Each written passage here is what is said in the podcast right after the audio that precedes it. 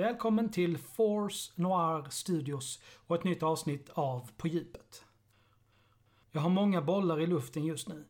Förutom podden och Facebook-sidan håller jag på med två projekt på Youtube. Det första är avsnitt på runt 30 minuter vardera där jag kör igenom storyn i Resident Evil 0 till Resident Evil 3.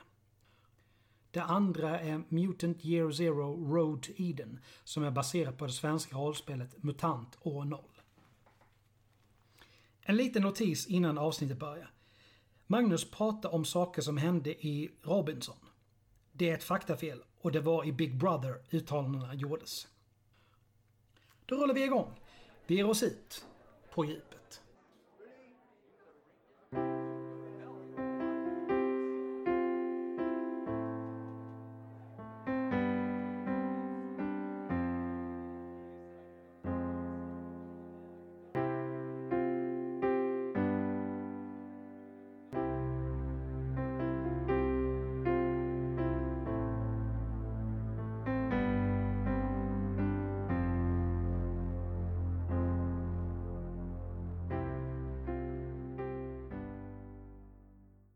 Dagens avsnitt så har jag med en av de nördigaste människor jag någonsin har träffat.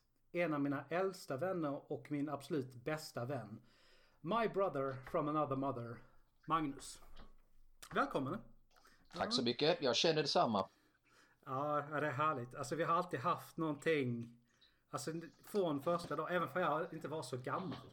Då så, jag var 15 bast när vi träffades första gången. Ja, du, du praktiserade ju. Eller praoade ja. till och med på Ja, det mitt hette arbete. prao till och med på den tiden. Ja, Jesus.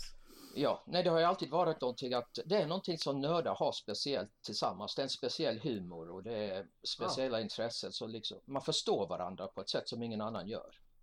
Ja, visst är det så. Det är... Mm. ja. Du dig själv lite grann vad du, vad du vill att folk ska veta innan vi drar igång. Det är inte så mycket att veta om mig. Jag heter Magnus. Jag är 57 år gammal. Jag var trekkie sedan jag var 10. Växte upp i USA. Jag är väldigt intresserad av eh, målning, musik, fotografi eh, och eh, religion och filosofi. Och det är ju just filosofibiten som gör att jag tyckte du skulle vara så bra för detta. Mm. Ehm, ja. Men eh, du vill ju göra precis som vi gjorde i första avsnittet så vi kommer slå en tärning och se vilket ämne det blir. Ja, Då kör vi här nu. Det, det, ble, det blev jävla ett. jaså? Ja, Ja, Det var det vi diskuterade. Det varit kul om det blev ettan. Ja, ja. ja, och det blev meningen med livet. ja. Så eh, jag kan ju, vi kan ju börja som så här. Vad innebär meningen med livet för dig? Det är ju en väldigt djup och svår fråga. Um, många anser ju att det finns en djupare mening i det man gör och det som händer omkring och hur man påverkar. Och att ens mening ska ju leda till någonting väldigt stort och väldigt viktigt. Jag anser ju inte att det är riktigt korrekt. Jag tror inte att det finns någon speciell större mening med livet. Men däremot så har man möjlighet att påverka sina vänner, sina älskare, de som är omkring en och se till att ens egna handlingar leder till saker som är bra snarare än saker som är dåliga. Att eh, kanske när de minns dig så minns de, ja just det, det, det var ju jävligt kul när han gjorde så och så. Och När han berättade detta för mig då, då förstod jag lite grann, lite bättre vad, vad jag själv tycker och tänker och vad han tycker och tänker. Ja men det är ju någonstans här liksom. Det är bara när ens egna åsikter blir ifrågasatta på något sätt. Som du verkligen börjar fundera över varför man tycker på det viset. Mm. Att man tycker på det viset är oftast ganska självklart. Men varför? Hur hamnade jag här? Ja, och det är ju en lång resa. Hur jag har hamnat här efter 57 år och har de åsikterna som- som jag har och lever med. Det är ju många saker som har påverkat mig. Jag har ju gått igenom, igenom stora enorma förändringar. Både fysiskt, psykiskt, eh, spirituellt och på många, många olika sätt. Och det som är viktigt anser väl jag att många, alla upplever ju saker och ting. Men frågan är, kan man ta lära av det som man upplever? Kan man, det är skillnad mellan att ha sett saker och kanske bara låta det gå in i sin uh, världsbild och bekräfta det man redan tror? Eller kan man kanske se att låta dem lära dig något nytt, att skapa en upplevelse till visdom snarare än bara att låta det um, gå vidare som en bekräftelse på det som man redan alltid har trott. Mm. Ja, men alla vill ju lämna någonting efter sig på något sätt, alltså någon slags arv. Mm. Och det bästa sättet du kan göra på det är ju om du kanske kan lämna lite grann visdom kvar hos någon annan. Ja, och de flesta hoppas ju att de kan lämna det med sina barn. Ja. Det är det vanligaste sättet. Det är det enda sättet som människan, um, i alla fall så vitt vi vet, kan bli um, leva i all evighet. Det är ju genom sin arv, genom barnen. Mm. Och då vill man ju väldigt gärna att de ska ha lärt sig av en själv att kanske en del av en själv lever vidare generation efter generation. Ja. På så sätt blir man odödlig. Och det, det, det, det föder liksom en, en lite intressant konflikt i oss som då som inte, alltså som jag exempelvis som, då, som inte har några barn. Mm. Var lämnar jag mitt arv? Var lämnar jag ett, ett avtryck liksom i, till eftervärlden? Och du sa någonting som jag tyckte var väldigt bra här liksom att du gör ju faktiskt det just i det, det som vi sitter och gör nu. För att potentiellt så ligger ju, kan, ligger ju podcasten alltså kvar i all evighet. Eller i alla fall så länge Spotify finns. Mm. Och det är ju det oftast så det mest fantastiska finns, eh, som finns är ju sådana här diskussioner där man själv kommer fram till aha, men detta har inte jag tänkt på innan. Och då spelas detta in och så finns det möjlighet för andra att se det och kanske ta lära av det eller kanske till och med tänka nej, han har fel, så här tycker jag. Men att skapa, skapa sin egen åsikt om just det ämnet som vi pratar om. Nu pratar vi ju väldigt brett. Vi pratar om ja. meningen med livet och det är ju det är så brett, det bredaste ämnet som existerar i stort sett. Ja. Och vi... Jag menar du har ju, du har ju alltså så många olika synpunkt, liksom, synvinklar du kan ta dig. Mm. Du har ju din egen mening med livet. Du har ju en rent biologisk. Det finns, det finns en andlig fråga. Mm. Oavsett om du bara tror på dig själv eller om du tror på, alltså, på shinto eller om du tror på katolicism. Vad du än mm. tror på någonstans. Det, det är någonting som genomsyrar alla människor. Vi behöver tro på någonting. Ja. Jag följer ju själv uh, Shintos filosofi som du väl vet. Mm. Och det som jag tycker är roligast med den är ju att uh, den pratar inte vad som hände innan jorden skapades och den har inte intresserad vad som händer efteråt och vad som händer med dig efter du dör. Det är inte heller intressant. Det är inte så att de säger att det inte finns ett liv efter döden. De säger bara att detta ingår inte i vår arbetsbeskrivning. Mm. Så att uh, det, det, handlar om att hitta någonting bra här och nu just vid denna tidpunkten som vi är på för tillfället. Och det passar mig ganska väl för jag känner inte att jag vill behöva ha några existentiella kriser över vad som händer efter jag dör och sådant. Så jag, jag tycker det är, det är ganska bra som det är just nu helt enkelt. Ja, men, alltså det är ju någonting också som jag alltså, verkligen beundrar med shintoismen. Det här liksom, alltså just den här strävan efter att leva här och nu. Oroa dig inte allt för mycket vad som har hänt tidigare. Oroa dig inte för framtiden. Du är här, du är nu. Och det är egentligen allting man har. Ja. Du har nu. Nuet är det. Och nu och nu. Nuet är det enda som existerar. Mm. Ingenting annat existerar för dig. Och uh, buddhismen följer väldigt mycket samma linje på sina sätt fast det är ju lite annorlunda. Och... Mm. Men uh, man väljer ju den filosofin som man själv, som passar en bäst och det är det som jag tycker är ganska härligt. Jag, jag ser ju inte religionen som någonting som är en en grupp regler och bestämmelser som man måste följa varken man förstår det eller inte annars så kommer man nog bli bestraffad på något sätt. Jag anser att varenda religion har en väldigt djup filosofi och om man håller sig till den i grunden så är det inga problem för det finns inga religioner som, eh, som pratar om att man ska skada sin medmänniska, att man ska skapa våld och att man ska skapa krig. Nej, det är ju någonting som är väldigt genomgående för alla religioner någonstans. Liksom, att, hitta samhörigheten. Mm. För vi vill alla ha en samhörighet om det innebär att vi har en partner eller en rollspelsgrupp eller en Facebookgrupp, vad det än är så vill vi känna att vi hör hemma någonstans. Ja. Och jag tror det är um, väldigt mycket så som därför religion skapas. Religion var ju egentligen den första vetenskapen. Det var ju ett sätt för människan att förklara var kommer blixten ifrån? Var dö, varför dör vi? Varför händer saker? Och ofta så blev det ju så att de anser att det är någon som är högre än vad de själva är som råder över allt det här. Och därmed blir det ju en religion. Men uh, sedan så kan inte jag heller säga, jag kan inte sitta här och säga att någon religion är fel för jag vet inte, jag har inte upplevt det. Nej men det är ju det, det, är ju det någonstans som blir så intressant att om det är nu så att man tror på en religion, men jag själv är protestant. Mm. Inte på något sätt fanatiskt troende, men jag, jag, jag tror ju att Bibeln är, ska ses som, alltså mer symbolisk synpunkt. Det har egentligen någonting annat det vill säga. Du ska inte ta det för ordagrant det som står mm. där. Men samtidigt, så här, vad är det som säger att det är rätt gentemot någon som verkligen tror att allt det där har hänt? För att egentligen, så länge du inte skadar någon annan med din tro så är du egentligen inte fel ute. Mm. Visst. Menar, det, det, det, är ju sant, för det, det är ju, då är vi inne på det här med, med din sanning och lite grann din personliga meningen med livet. Mm. Och jag känner att jag har inga problem med människor som läser kranen eller bibeln ordagrant och följer det efter, efter det ordagrant.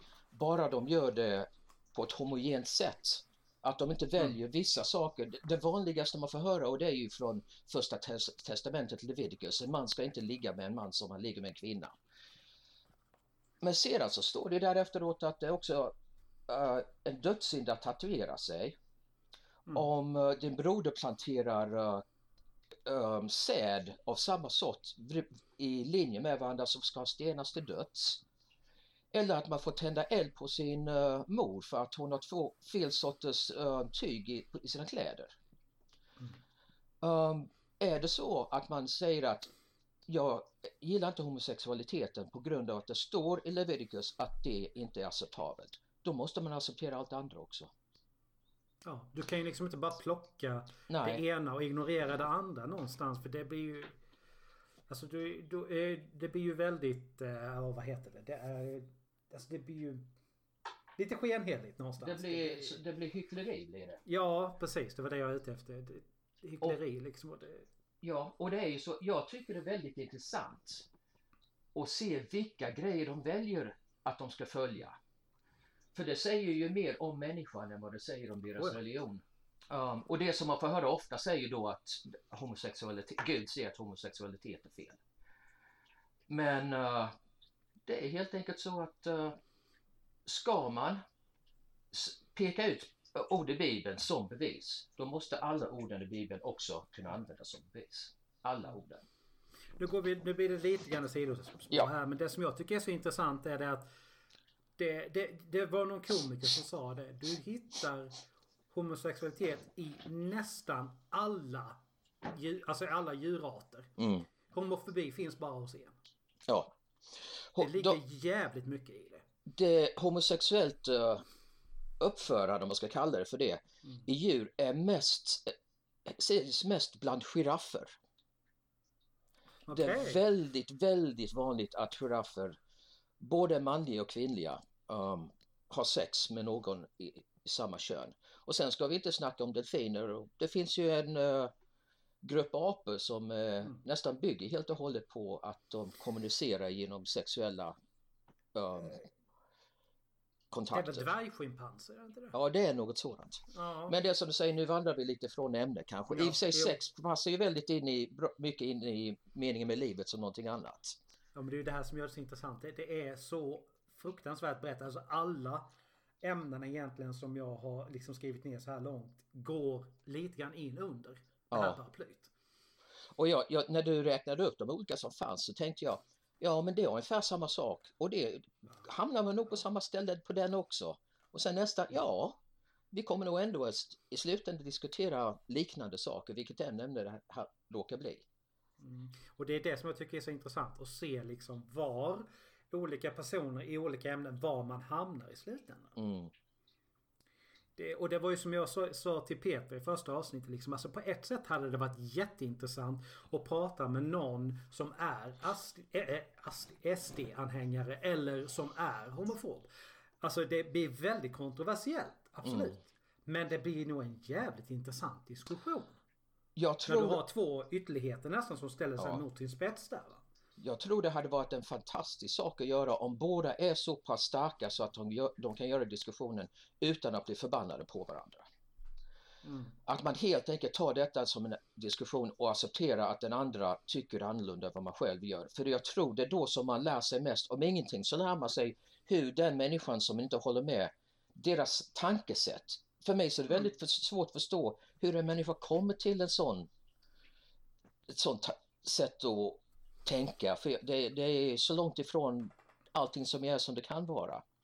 Men mm. det är bara genom att prata med det som man kan lära sig förstå det och därmed kanske ha en bra diskussion om det. Ja, det är ju inte bara det liksom. I diskussionen i sig, om du lyfter ditt synsätt så kanske du kan påverka på något sätt. Ja. Så att det är ju... Och då är vi tillbaka på det vi pratade om i början. Liksom, att, ja. det, att du lämnar ett avtryck. Jag menar, om du bara kan beröra en person så pass mycket så att de verkligen tänk, tänker till ordentligt. Det är då ju hur stort som helst. Då har det ju funnits en mening i ditt liv. Ja, och såna du, har, här... du har liksom hela universum i handen helt plötsligt på ett sätt. Mm.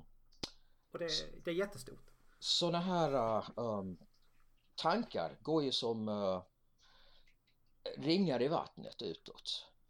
Det är en, om en människa tycker detta var fantastiskt, om jag sa någonting eller någon annan sa någonting och sen upprepar det till andra och de upptäcker kanske det är bra också.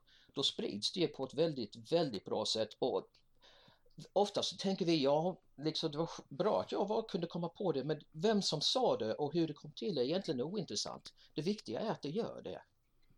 Mm. Tyvärr så är det ju så att um, tankarna, um, högerextremisterna och, så, och annat, det sprids ju på samma sätt också. Mm. Ofta så är det ju så att uh, när man får en aha-upplevelse kan det helt enkelt vara en bekräftelse av det som man uh, redan tycker. Och då känner man, aha, nu har jag hittat bevis för detta. Och så för man vidare, varken det gott, gott eller ont, så funkar det ofta på det viset. Och tanken är ju inte att man ska bara sitta och ha en åsikt och få en bekräftelse där de säger, jaha, nu har jag bevisat det är så och föra det vidare. Tanken är att man ska försöka att lära sig någonting av det, kanske ändra sin syn lite grann. Och det, det är väldigt svårt att göra för det gör uh, livet obekvämt. Ja men det är ju klart att så fort du måste ifrågasätta dig själv så blir det ju väldigt konstigt någonstans. Mm. Om, alltså för, jag menar, du kan vara väldigt cementerad i, i vad du tror på och sen så helt plötsligt ja, men, bara inser man att nej, men, det är ju inte så. Ja. Det fungerade precis tvärt emot. Mm. Hur femton förhåller jag mig till det? Ja. Och det, det är finns... ingen lätt fråga. Det är väldigt svårt och en del vill ju helt enkelt ignorera det. Men det tar ju lite tid, en sån här sak vänder inte på en sekund. Man kanske får en uppfattelse och tänker oj, kanske jag hade fel. Men mm. sedan så tar det lång tid att man måste, man måste ju verkligen ransaka sin tro och allting och se om detta stämmer. Och det tar lite tid för det att göra och under tiden man gör det så blir man mer och mer accepterande till själva tanken. Och sen efter ett tag så får man helt enkelt känna att ja, nej det jag sa förut, det stämde inte. Och om någon annan tycker att man är konstig för att man är konstig för att man har förändrats. Det är inte så mycket att göra åt det, för det är, det är väldigt synd om man är samma människa som man var för tio år sedan. Förändringar sker och det är det som ger oss utveckling. Det, det, det säger ju egentligen mer om, för, om andra egentligen att de, att de har svårt att acceptera din, ditt nya jag någonstans. Ja, det, det har hänt. Säger egentligen, säger egentligen mm. mer om dem. Det gör det och det har hänt. Men uh, man kan ju aldrig tvinga fram uh, förståelse i någon annan. Och det kan vara att det som de verkligen anser är korrekt är inte det, det, som jag gör. Och det är inte så att de tycker att oj vad konstig han har blivit. Det är kanske bara att jag håller helt och hållet inte med dig. Mm. Och det, det, måste få vara okej. Okay. Om vi inte lär oss att sitta vid bordet och diskutera religion och politik som man gjorde förr så kommer man aldrig att göra det. Alla är så rädda för att diskutera. Det är som att gå i ett minfält nästan. Vi har blivit så lättstötta någonstans. Mm, ja. Så att eh, det är lite farligt det också liksom för att du kan om du, om du ska vara så lättstött av precis allting. Jag menar, det, det var ju som du sa, men då kan du inte vara på Facebook. Då kan du inte vara i de här offentliga arenorna för att du måste Alltså någonstans kunna acceptera att ja men han håller inte med. Okej, okay, agree to disagree. Ja, precis. Och det, det, är ju grunden till all demokrati och allting, i stort sett vårt samhälle är att vi har, vi har fritt att tala och säga nästan precis vad som helst inom vissa gränser. Och då måste vi acceptera även att om SD kommer fram och nynazister och sådant säger saker som vi inte tycker om så måste vi tillåta att de gör det för sån är frihet. Och tar det är tyvärr man... demokratins baksida. Ja, och tar man bort det alternativet är ju polisstat. Ja. Frihet är ett det viktigaste saken vi har men det är faktiskt ett väldigt farligt sätt att leva. För alla måste ta ansvar för sitt hela mm. tiden. Och även om andra gör fel så kan man själv inte börja göra det. Man får ju höra så ofta, men de hade ju aldrig varit så de hade ju aldrig liksom tänkt på dig, de hade ju bara slagit ner dig. Jo, det kanske de hade gjort, men varför ska jag vilja vara som dem? Någonstans så är det liksom det bästa du kan göra är att föregå med ett gott exempel. Liksom på, på, alltså det, och bara, bara vara sig själv någonstans. Folk märker det i längden. Ja. Det gör de. Det, det, men, och det är också, men det är också så svårt för att du har ju så du har ju en hel rad olika hattar. Främst brukar man säga att du har tre stycken olika hattar. Du har en, ja fyra förlåt. En när du bara är helt själv. En som du har när du, när du umgås tillsammans med vänner. En som du har på jobbet. Och en liksom, när du hamnar i, vad ska man säga, något officiellt sammanhang. Liksom, där du förväntas liksom ha en, ja, en viss professionalitet eller vad det nu kan vara. Mm. Och det svåra kan ju bli någonstans vilken hatt ska jag sätta på mig just nu? Mm. Jag just nu som jag sitter här så är ju jag, Dels så finns det den professionella hatten lite grann. Jag kanske behöver styra samtalet lite grann. Men samtidigt så vill jag ju ha in många aspekter. Och då får jag liksom sätta den hatten lite grann halvt på och vän, vänskapshatten också. Mm. Det, ja, det, alltså, jo, det, är så, det är svårt att leva. Detta är ju en diskussion mellan två goda vänner. Samtidigt så är det du som styr detta. Det är du som är i kontroll över diskussionen. I så sätt att du bestämmer när jag kanske har gått för långt åt det ena hållet. Vi måste, måste styra mig tillbaka eller något sådant. Så att um, det är ju din show är det. Men annars så är det ju samma diskussion som när vi sitter och fikar.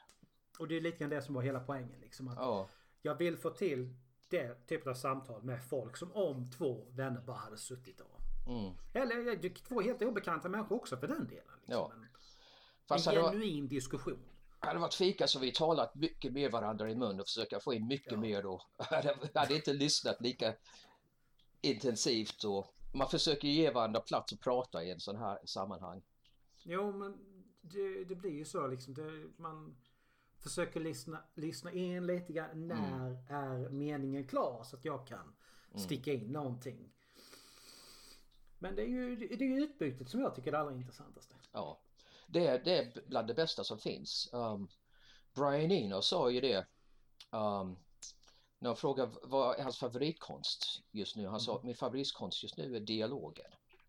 Mm. Bara att sitta och prata med människor. För jag får ut mer av det, för, i alla fall för tillfället, än jag får av uh, målning eller musik eller någonting annat jag gör. Ja, men det, blir, det kan ju bli en jätteinspiration. Mm. Bara liksom, alltså det är ju... Om man bara hör någonting på tunnelbanan så bara Oj! Ja! Mm. Ja. Så har du helt plötsligt jätteinspiration till en helt ny grej. Jag kommer tänka från det ena till det andra. Jag var hos uh, Hasse igår. Mm. Och vi lyssnade på lite musik och sådär och hans dotter var där. Och sen sa jag, nej nu måste jag gå hem för jag måste vara pigg imorgon för jag ska vara med i en podcast. Och så frågade hon, vad ska det vara för någonting? Ja, vi ska diskutera lite filosofi, sa hon, sa jag. Mm. Och då frågade hon, men vad är filosofi för någonting? Och då tänkte jag, oj, Oh. oj. Men jag tänkte, om man gör så här att, vet du vad religion är för någonting? Ja, sa hon. Det är religion utan några gudar. Ja. Ja, men det är ju men, hur då? religionen har... Ja, Ja, hur då menar du? Så sa jag, ja men det, det tittar på varför vi gör saker och hur vi lever och vad som påverkar oss utan att man blandar in några av de religiösa eh, gudarna i det. Och jag tror inte hon förstod helt och hållet men det kanske, jag tänkte att det förklarar, jag förklarar faktiskt bättre för mig själv. Jag är glad att hon ställde mig den frågan. Mm. För annars hade jag nog aldrig kommit fram till en eh, så pass enkel eh, svar på frågan. Den är inte perfekt, men det var, den var ganska bra tycker jag. Ja, det kan jag bara hålla med om. Det, alltså, för, någonstans är det ju så här, alltså ett fröet till en religion har ju alltid varit en idé någonstans. Mm, Om hur, alltså det är ju ett försök och någonstans att skapa ett bättre samhälle och mer harmoniska människor. mm, Sen vad du sen liksom väljer att tro på det, det är lite, lite en annan fråga. mm, Jag menar ateisten tror ju mer, tror ju alltså på sig själv istället. Ja, de tror ju på vetenskapen. Mm. Och vet, om, man, om, man, om du lyssnar på vetenskapsmän diskutera olika teorier om hur världen kom till och hur det fungerar så låter det inte väldigt annorlunda från en religiös diskussion mellan olika religioner. Hmm. Då- Många står ju fast vid sin tro om sin teori långt efter det har bevisats vara fel. Så på många sätt anser jag att eh, vetenskapen också är en form av tro. Ja. Och den kan vara mer dogmatisk än någon religion som finns. Nu fick jag sällskap på stolen här. Hej Chico. Ja, nej men det är... Ja, men som sagt det, det, är, ju, det är ju det är tuffa frågor. Men Ja. bara liksom att försöka hitta då alltså... Nej, nej, hoppa inte ner på den sidan snälla gubben. Du får faktiskt hoppa ner. Du är i vägen. Så, hoppa ner. Det är upp till killen. Sorry. Mm. Eh, det, det är ju svårt liksom att... Bara det här, var ska man börja leta någonstans? Mm. Men som shintoist så säger jag helt enkelt att man ska leta det som är precis framför sig. Mm. Om du sitter här och känner att det inte finns någon mening med det du håller på med, varför är det på det viset? Är det någonting som saknas i ditt liv? Är det någonting du kan förändras? Är det bara så att du vill träffa vänner och ut och fika och du inte vill vara ensam eller är det så att du känner att du inte har någon mening med livet och kanske behöver hitta någonting som kanske ger dig att arbeta med människors, sjuka människor eller något sådant. Att hitta någonting som ger dig, i alla fall just för stunden, en mening. Någonting som Ja. kommer ge dig mening för resten av livet, det vet ju inte vi nu vad det är för någonting. Det måste man ju testa sig fram till. Jag kände ju att jag hittade det när jag, när jag började med, med mitt yrke som personlig assistent. Mm, Att du verkligen, alltså du, du viger ju din, alltså ditt, ditt eget liv, din egen tid åt att försöka göra en annan persons liv så pass bra som möjligt. mm, Jag brukar bes- beskriva personlig assistans så här liksom att du gör allting som brukaren kunde göra innan brukaren blev sjuk eller skad, liksom fick en skada eller vad det nu kan vara. Du blir en förlängning som ser till att brukaren kan ha ett så drägligt liv som möjligt. mm, Om det sen innebär att, att brukaren är rullstolsburen eller ALS eller vad det kan vara. mm, Du finns där för att kunna avlasta så mycket du kan. mm, Alltså någonstans hela liksom idén med yrket. Alltså det är väldigt. Det kan, jag önskar att det kunde appliceras på så mycket mer. mm. Det, alltså hela tankesättet. Ja. Men man lever ju, alltså det du gör är ju väldigt, väl, väldigt modigt först och främst. För du ser ju människor som är sjuka hela tiden och du vet ju ibland att din brukare kommer dö. Mm. Och det enda du gör är, eh, ge dem ett liv som är så drägligt som möjligt och så värdigt som möjligt tills den punkten. Men samtidigt så försöker vi alla, hoppas jag, försök, i alla fall de flesta människor, stödja dem omkring oss. Mm. Att om bara om någon är nere eller ledsen, att bara lyssna på dem, inte kanske behöver göra mer än så. Mm. Vi kan inte alltid vara problemlösare, men vi kan vara någon som kan lyssna på deras problem. På så sätt så kan vi hjälpa människor en åt gången. Vi kan, vi kan inte alla vara sådana människor, vi kan inte alla vara Greta Thunberg och påverka hela världen samtidigt. Och jag tror inte att jag skulle vilja vara det heller. Det, den bördan tycker jag känns lite för tung. Ja. Men jag finner ju faktiskt glädje i att om jag träffat någon på jobbet och de säger att ah, det är svårt nu. Att bara sätta mig ner och lyssna på dem. Inte mm. komma med några visa ord, inte med några förslag, bara lyssna. Det, det är ingen idé för mig att försöka att förstå det de går igenom helt och hållet, för jag kan inte, för det är bara de som gör det. Men att de vet att någon annan bryr sig om dem, det, mm. det förändrar jättemycket. Ja men det är ju andra, det är ju andra ringar på vattnet där som vi pratade om innan. Mm. En, en god, ja, det får en effekt. Mm. Om inte annat bara så liksom att, att någon säger det, nej men det var faktiskt någon som lyssnade på mig idag. Ja. Men det är också det att om vi ändå snackar om meningen med livet. Det som gör att jag känner att jag får mening. Det är ju sådana här små dagliga saker som händer hela tiden. Jag gör ju detta för att jag bryr mig om andra människor men jag får ju dubbelt tillbaka än det jag ger.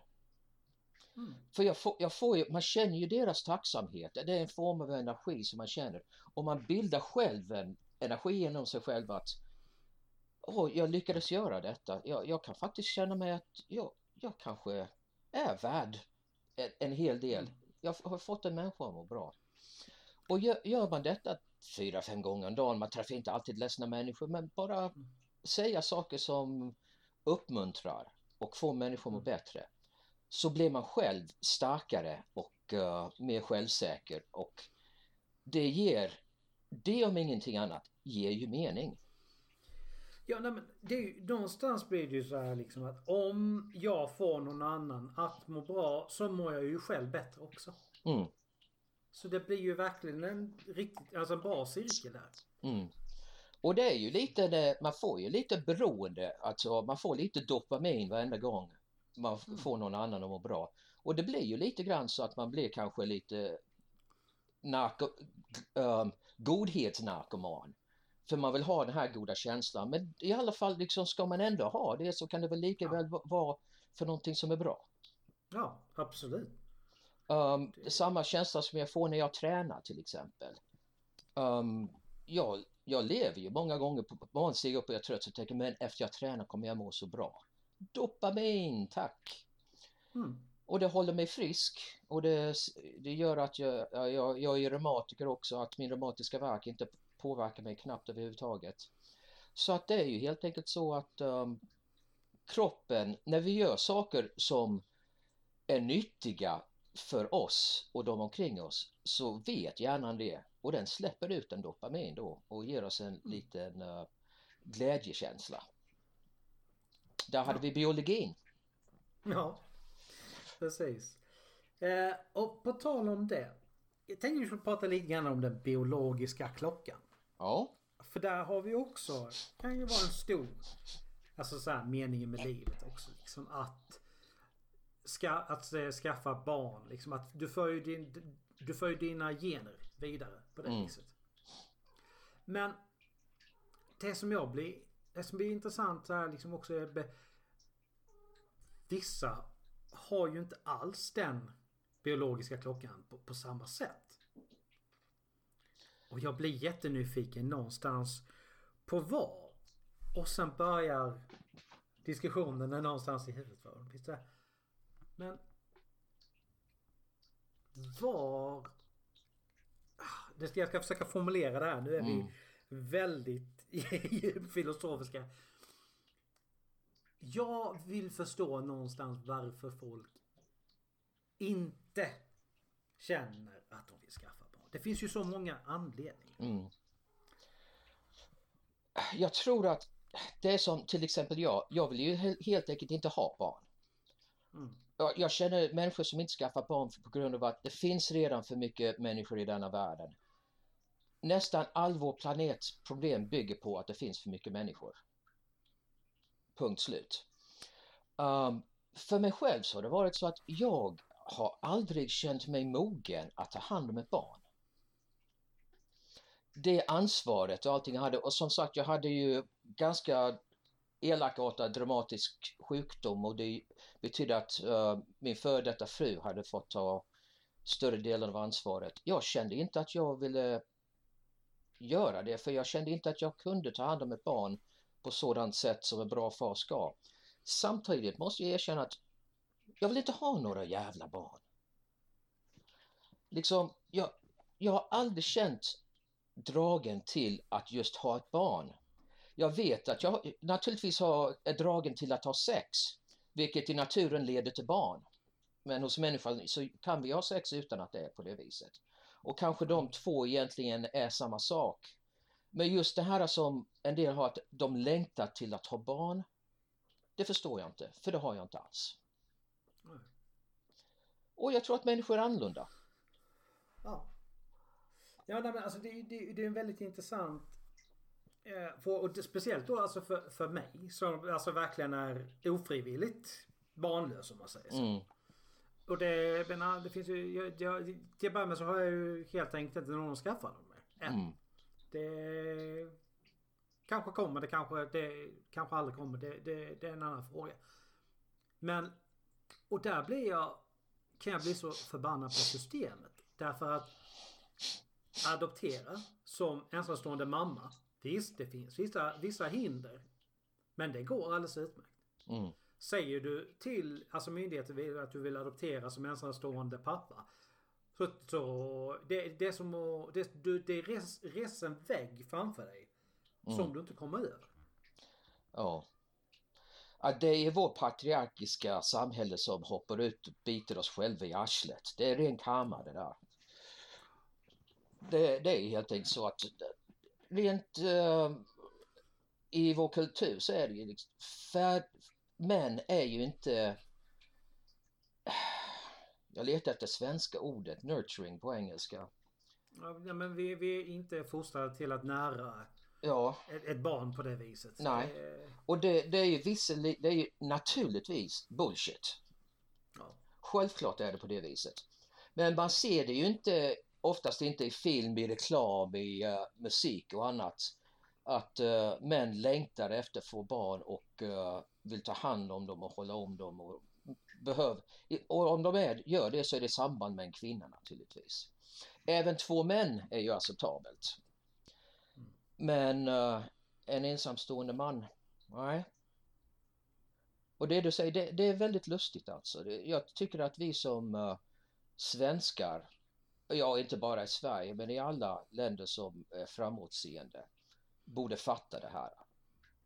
Mm. Nu tyvärr det är svårt, så... att, det är svårt att, att bryta gamla vanor också. Så att ja. det... det är det. Ja. Ja. Uh, nu, nu, är det ju så att uh, det, jag är rädd för att det kommer gå åt andra hållet nu när du, högerextremismen börjar komma över hela världen och bli starkare så tror jag mycket av det arbete som har funnits med homosexualitet, um, kvinnofrågan och sedan naturligtvis rasism och annat är, uh, kommer att dra tillbaka lite grann. Ja. Jag tror helt, det blir mer, nu är det plötsligt accepterat, det var ju två sångare, en sångerska och en sångare från Melodifestivalen som hade mm. antisemitiska uttal. Mm. Och de var ju svarta de kom ju från eh, eh, genetik som har fått lida på grund av rasism så länge som historien har funnits. Och så slänger de ut sig skitord om judar. Jag förstår inte vad som händer i detta landet. Alltså det är ju någonstans, någonstans väldigt märkligt. Man kan ju tycka någonstans att de borde ha ännu bättre förståelse. Än Men... vad vi som är, vad ska man säga, vita privilegierade mm. män liksom. Än vad vi borde ha. Ja, vi, vi tillhör ju inte någon minoritet överhuvudtaget. Nej, Nej. inte på något sätt verkligen. Och när man då själv sitter och... Alltså det där kan provocera mig fruktansvärt mycket. Mm. Det, det var en av de gånger som jag kände också adrenalin i armarna och tänkte fan jag vill slänga någonting. Vad är det som har hänt? Jag har aldrig varit med om att folk säger någonting sådant i media. Hela mitt liv i Sverige. Men plötsligt så började det bli acceptabelt att göra det. Och när det väl börjar bli normen, det är då som de hemska sakerna börjar hända. Ja, nej men alltså det är alla som har överlevt andra världskriget säger ju samma sak. Mm. Vi är på väg åt samma håll igen. Ja. De ser tecknen överallt. Mm. Och jag menar, om, inte, om inte annat så kan jag tycka någonstans att, att en- om vi nu ska försöka hitta någon gemensam meningen för livet för hela mänskligheten så borde det väl bara vara liksom att för fan vara lite snällare mot varandra. Ja. Ja, Egentligen, det låter nästan mesigt att säga det, men det är ju det som är den enkla lösningen. Mm. Um, någonting som jag har märkt när jag, när jag har rest är att var än man hamnar för någonstans, och jag bryr mig inte om det är Ryssland, i någon av arabiska länder, Afrikaländerna, Sydamerika. Folk är bara folk.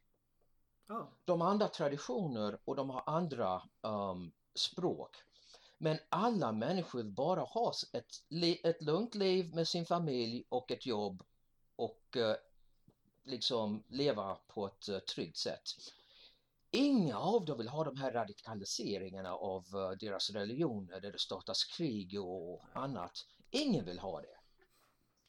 Men det är inte de som bestämmer det. Nej. Det, det religion har ju hijackats av eh, politiker. Och det är det som är så farligt. Och den används, den används ju enbart för att skapa makt och pengar naturligtvis. Och eh, då, deras följare är kanonfåror till detta kriget.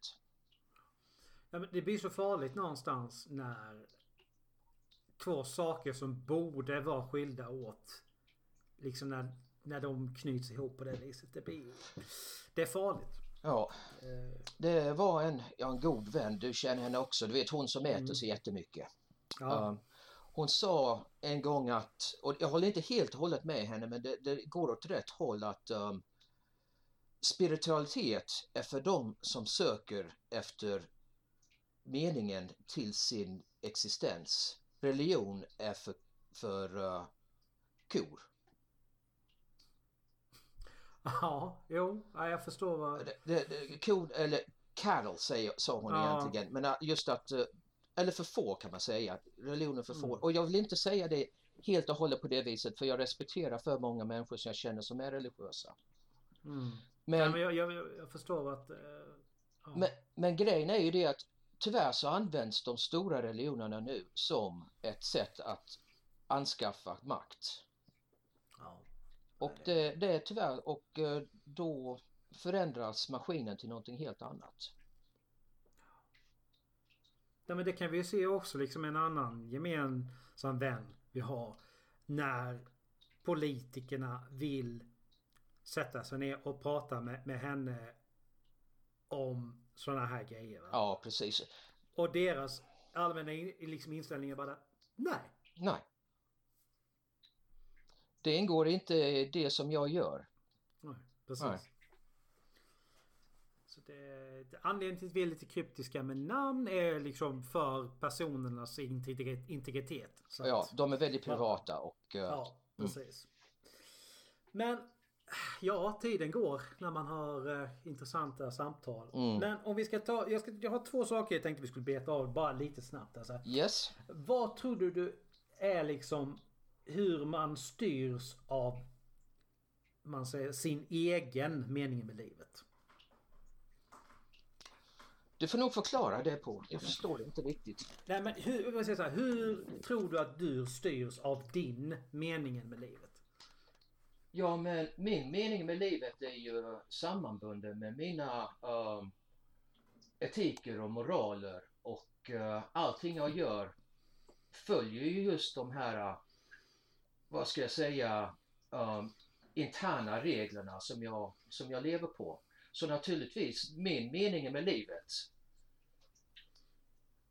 styrs ju av min egen moral och det som jag anser är det korrekta att göra från ena stunden till den andra.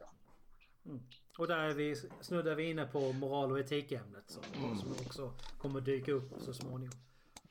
Ja, nej, men det, ja, det, är, det är väldigt intressant. Liksom. Det, det, jag tror det är någonting som fler skulle behöva fråga, liksom ställa sig den frågan. Mm. Hur styrs jag av liksom har jag ens definierat vad min mening med livet är? Nej.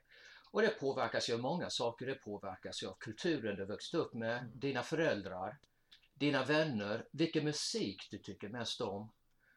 Um, allt det där påverkar ju ens inre tankar. Och uh, ens mening med livet, det kan ju förändras från ena stunden till den andra. Om jag håller på det var ju en kille på jobbet som kollapsade och fick hjärtinfarkt. Jag, jag höll ju på att göra CPR på honom. Mm. Och då var, hade jag bara en mening med livet. Det var att den här killen skulle överleva. Fanns ingenting annat. Sedan en halvtimme senare så skulle jag föreslå vilken som var den godaste osten till eh, en viss sort vin till en annan kund. Så att eh, från stund till stund så händer det saker men vad du frågar är ju säkert min stora bild av meningen av vad mitt liv ska leda till och hur. Alltså jag är väldigt nöjd med det svaret också. Ja, eh, för just när det gäller den stora bilden så som sagt i och med att jag utövar shinto så tänker inte jag så mycket på den långa frågan när det gäller livet jag, jag sparar naturligtvis för min pension och uh, jag vill ha ett bra liv när jag är äldre. Men exakt vad som kommer hända då, vad, vad jag vill vara, det vet jag inte.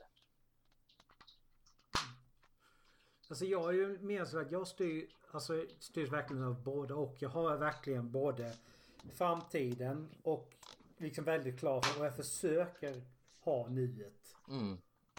Också liksom att, för att jag tror att man lätt hamnar liksom att ja, men om jag hade gjort så tidigare så hade det blivit annorlunda. Men du är inte, jätte, du är inte så jättemycket hjälpt av det.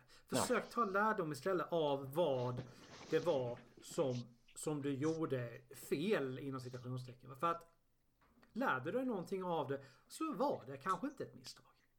Det är det som vi pratar om, erfarenhet till visdom. Ja. Uh, för det, grejen är att om du hade haft en önskan att gå tillbaka och ändra så det misstaget inte hände, då kommer något annat misstag att hända istället. Um, kanske inte just när det gäller det. Allting kommer vara jättebra, men man kommer göra dumma saker under sitt liv för man är mänsklig och man tänker inte alltid klart. Det är jättelättare att se backspegeln vad som kunde ha hänt än att se i framtiden vad som kommer att hända. Och eh, uh, jag ångrar inte saker som jag har gjort i mitt liv. Det enda, gången, det enda som jag verkligen ångrar är om jag har gjort någon annan illa. Ja. För det innebär att jag har lämnat en svart fläck på dem. Ja. Som jag inte, troligen vid det här stadiet, inte kan göra någonting åt. Mm. Och det känner jag inte är så roligt. Nej, det är definitivt inte. Nej. Men just när det gäller mina egna val och hur jag hamnat där jag är och så. Nej, det, liksom, det, det är som att sitta i en liten båt ute i havet. Man har inte så jättestor kontroll över, över det som man tror. Ja, men någonstans kan vi ju bara göra det bästa av situationen just nu. Mm. Liksom, försök vara lite snälla mot andra även ifall det, du kanske inte känner att du vill. Men försök. Alltså, bara, bara det att du möter folk på gatan med ett leende kanske gör hela deras dag bättre. Ja. Jag håller med. Det behöver inte vara svårare än så. Nej, det, det, är, nej, men det är inte så alltså. Mm. Det, ett leende kan verkligen alltså, leda till förändring. Ja, det kan det. Ögonkontakt och ett leende. Ja. Precis. Avslutningsvis. Om du får definiera meningen med livet helt fritt. Vad, vad, vad säger du då? Jag tror att i stora universum som vi lever i så finns det ingen egentlig mening med livet. Livet kommer, livet går. Arter på denna planet och kanske miljarder andra skapar civilisationer och faller och allting bara fortsätter vidare utan att universum ens är medveten om det. Däremot, mitt, jag som är själv är också ett universum. Min värld är jättestor, blandad med många saker som, är, som jag älskar och människor som jag älskar. Och om jag får säga väljer, och då väljer jag naturligtvis att leva i den lilla världen, alltså min egen värld, för den är mycket mer spännande för min del.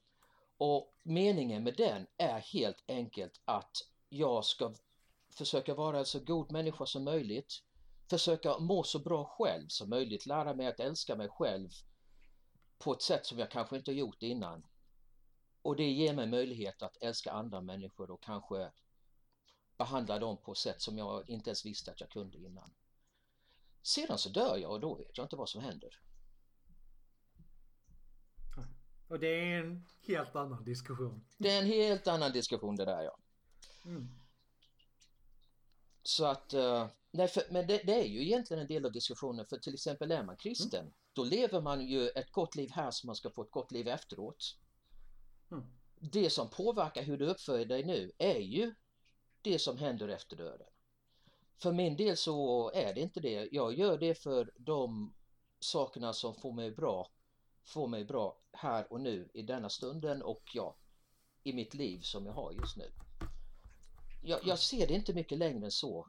Jag, jag är inte den sortens filosof som grubblar och känner panik för att han inte förstår universum och känner att allting är dystopiskt. Nej, sån är jag inte. Ja. Meningen är... Livet har sin egen mening. Mm. Ja, men det händer ju någonstans runt omkring oss även ifall vi väljer att ta del av det eller inte. Ja. Jättetrevligt att uh, snacka med dig som alltid Magnus. Ja detsamma min vän. Ja, vi uh, kommer ju höras ganska snart igen men uh, vi säger tack och hej för den här gången i alla fall. Ja. Så får du ha en bra dag och eh, detsamma till, all, till er som har lyssnat också. Ha mm. en bra dag. Hej då!